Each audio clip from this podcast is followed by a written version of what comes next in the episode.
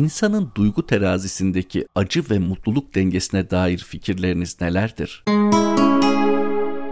Hazlar birikmediği gibi acılar da birikmez. Eğer acılar insan bedeninde veya ruhunda birikiyor olsaydı şu anda inim inim inlemeyen tek bir insan bile göremezdik. Ömrü boyunca bir takım hastalıklardan acılar ve ağrılar çekmiş bir insanın ağrısının bittiği ilk anda vücudunda kalmış olan ağrı miktarı sıfırdır. İnsan yaşadığı sıkıntının bittiği anda sıkıntısıyla ilişkisi tamamen kopan bir varlıktır. Acılar da, mutluluklar da birikmeyen, o anda yaşanılan tecellilerdir. Acılar insan bedeninde ve ruhunda birikmediği gibi bitmeleriyle insana bir takım ferahlık ve mutluluklar hediye ederler. Her acı insanı terk etmeyle yerini bir mutluluğa bırakarak insanı ayrıyeten ödüllendirir. Mesela hüküm giymiş, hapishaneye atılmış, sonra cezasını çekmiş ve hapishaneden bugün çıkmış bir insanın yaşadığı mutluluk aynı şehirde, aynı koşullarda kimse yaşamadığı için,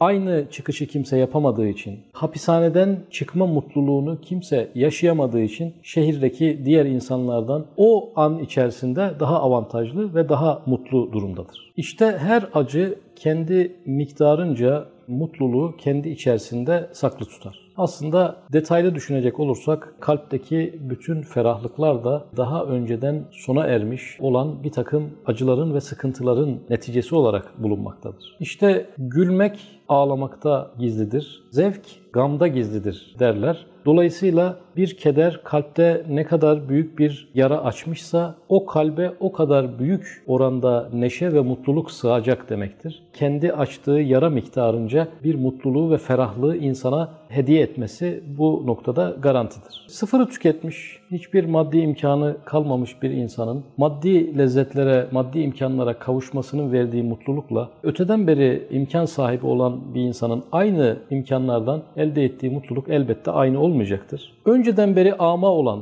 doğuştan beri gözleri görmeyen bir insanın gözlerinin açıldığı gün aldığı görme lezzetiyle o hadiseleri yaşamamış, doğuştan beri görüyor olan bir insanın aynı görüntülerden aynı lezzeti alması düşünülemez. Mesela fakirlikten daha bu dönemlerde yeni yeni kurtulmuş bir insanın kendi imkanlarından duyduğu mutlulukla öteden beri öyle standartlarda yaşayan başka bir insanın duyduğu mutluluk aynı olamayacaktır. Nasıl ki yemeğin lezzeti açlık seviyesiyle ölçülecek ise suyun tadı susuzlukla ilişkili bir kavramsa aslında mutlulukların tadı ve lezzeti de insanın çektiği keder ve ıstırapların büyüklüğü nispetinde yaşanacaktır.